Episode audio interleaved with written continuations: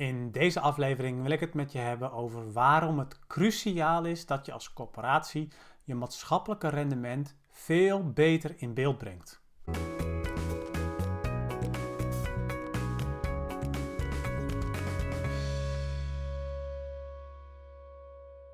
Ja, waarom moet je je maatschappelijke rendement beter in beeld brengen? Misschien denk je van, nou, we brengen het al best wel goed in beeld.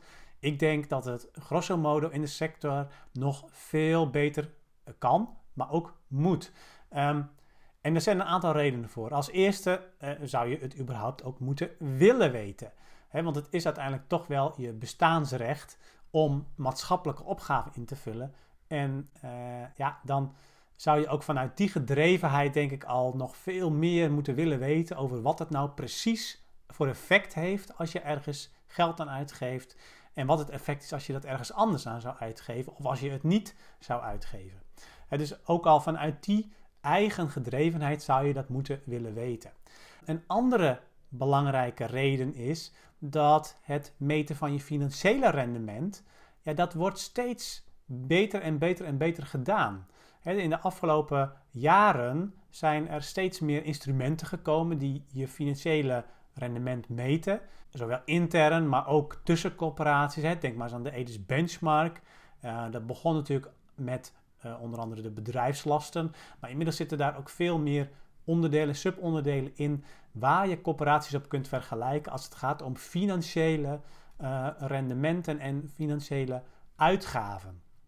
Nou, en als je dat allemaal in beeld hebt, ja, dan ontstaat natuurlijk vanzelf de vraag: waarom geeft de een meer uit dan de ander? En de enige goede reden om dat te onderbouwen is dat je wellicht dan ook meer maatschappelijk rendement oplevert. Of dat je in ieder geval een maatschappelijk rendement oplevert of, of realiseert wat past ook bij de opgaven die in jouw specifieke werkgebied spelen.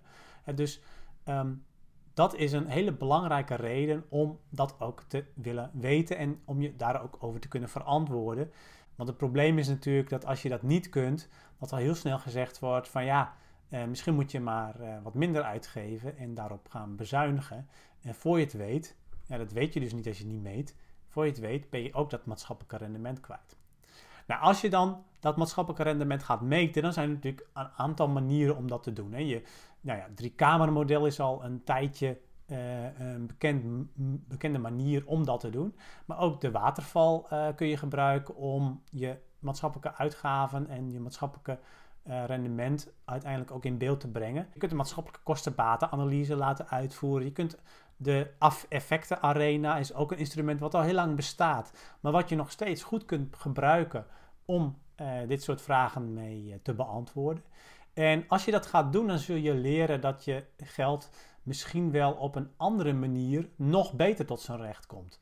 dus in het driekamermodel hebben we dat ook wel eens verspilling genoemd. Ik denk dat dat jammer is dat dat eigenlijk op die manier uh, zo hard is gezegd, omdat, weet je, uiteindelijk gaat het er niet om uh, in eerste instantie om jezelf daar heel erg voor te moeten schamen als je je geld misschien beter anders had kunnen uitgeven, dat je meer maatschappelijk rendement op een andere manier had kunnen realiseren.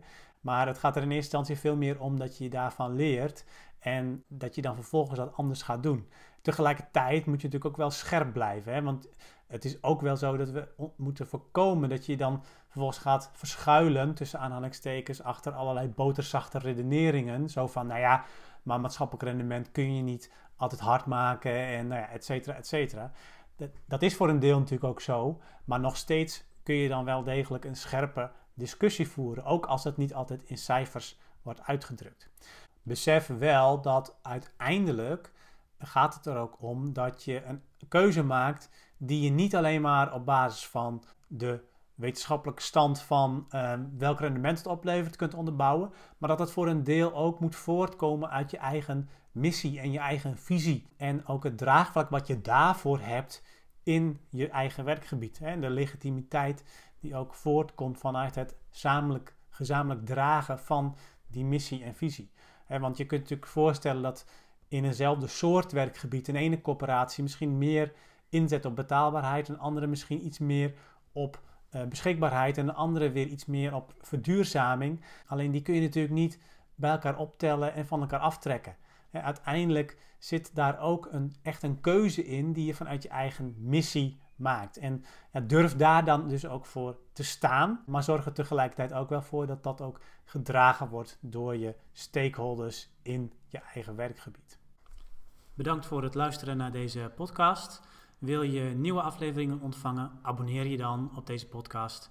En kijk ook eens op onze website corporatiestratege.nl voor meer praktische tips en downloads die jouw werk als corporatiestratege makkelijker maken.